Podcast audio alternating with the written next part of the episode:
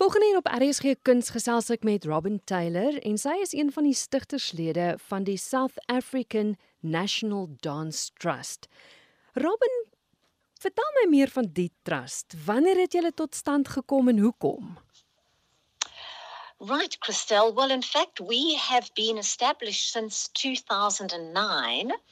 The trust comprises Veronica Paper, Michael Bazaza and myself. And initially, we formed it when Veronica approached us to recreate her ballet of Spartacus, which he wanted to do on a grand scale, and which most of the companies in South Africa are too small to produce because it's got about 70 dancers in it. And so we embarked on the project by establishing a trust that would be able to then support and assist dance throughout South Africa, not only with productions, but with education and opportunities, bursaries, and the likes. And so yes, we've been in existence since 2009. Ons gaan nou gesels oor 'n produksie wat julle nou gaan aanbied. So uh, poog julle om jaarliks 'n produksie saam met al die opvoeding en al die ander dinge wat julle doen, poog julle om gereeld dan produksies op die planke te bring. So no, that is not our our major aim and intention. Um, and this gets a little bit confusing because we're not a dance company. Mm. So what we like to provide the dance sector with is either progressive educational skill sets, tools, and opportunities, or an opportunity to work and to earn and to grow and develop, and preferably in a collaborative way.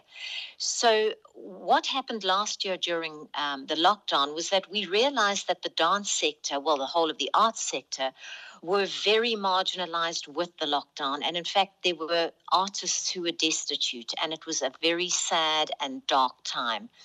And so we then came up with the idea that, you know what, when the opportunity arises, we must provide an earning and a working platform for all the independent professional dancers who are not employed and who need to be employed, who are fabulous dancers.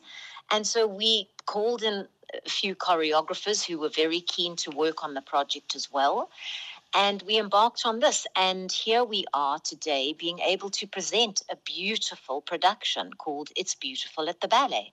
But with that, I must add that the intention behind it was to produce something that the audiences would go away feeling joyful about and happy and delighted and inspired.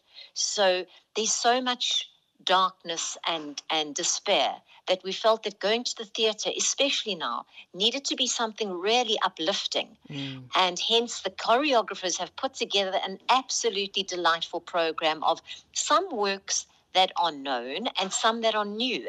But all of them are just joy filled and happy and, as I say, inspiring. Hmm. Hoe dit gewerk het julle dan geselskappe gekontak om deel te wees of kon 'n danser aansoek doen om deel te wees van die produksie? So how we work is we work work through the normal channels um, that the dance sector works through. Well, firstly, we had to raise the funding that was required because, of course, yeah. it always comes with producing a, a, you know a production. And fortunately, the National Arts Council, as well as the Western Cape Department of Art and Culture, both have supported this project, which we are most grateful for. And so we then put out a call, an open call for auditions for dancers to come and audition. Um, naturally, being in Cape Town, it was preferable that they were Cape Western Cape based. Um, but as it stands, there are one or two dancers that have come down from Johannesburg because they were so keen to be a part of this project and also to work again. Um, and so we held open auditions and then we had callbacks, and we've got a absolutely wonderful company of 12 professional dancers, of which one is a very spe- special dancer because she is a South African dancer who was formerly a royal balleri- royal dancer ballerina. Sure. She's never performed in a full season in South Africa, and this is going to be her first proper season of dance in South Africa, and we are really grateful and proud to have her in this production. Robin, jy het nou genoem dat dit 'n goed voel produksie is, maar noem so een of twee van die danse waarna luisteraars kan uitsien. So, some of your listeners may be um, familiar with a fabulous full length production of Veronica Paeper's work called Orpheus in the Underworld. Ja. It's, it's a really fun, light, and delightful full length ballet, and she's doing a quite a big excerpt from her um, from her Orpheus in the Underworld ballet. Um, Sean Bovim is doing quite a lot of his swing time at the ballet pieces, as well as his Queen at the ballet. And Adele Blank is doing a few new pieces, as well as a wonderful um, pas de deux from her ballet called Mad Dogs. So there's a lot of romance, there's a lot of swing time, there's a lot of, you know, gorgeous, happy moments of dance.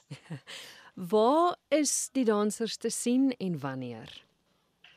So we open on the 19th of November at the Theatre on the Bay, and we run until the 4th of December.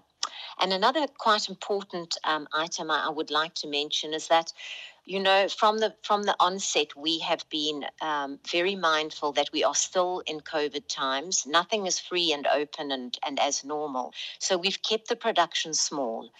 Um, we've kept the theatre that we're based at small, and the audience is a 50% of the house audience. So there are limited seats available. Um, but we hope we're offering enough performances so that those who are interested in coming to the ballet are going to be able to get themselves a seat.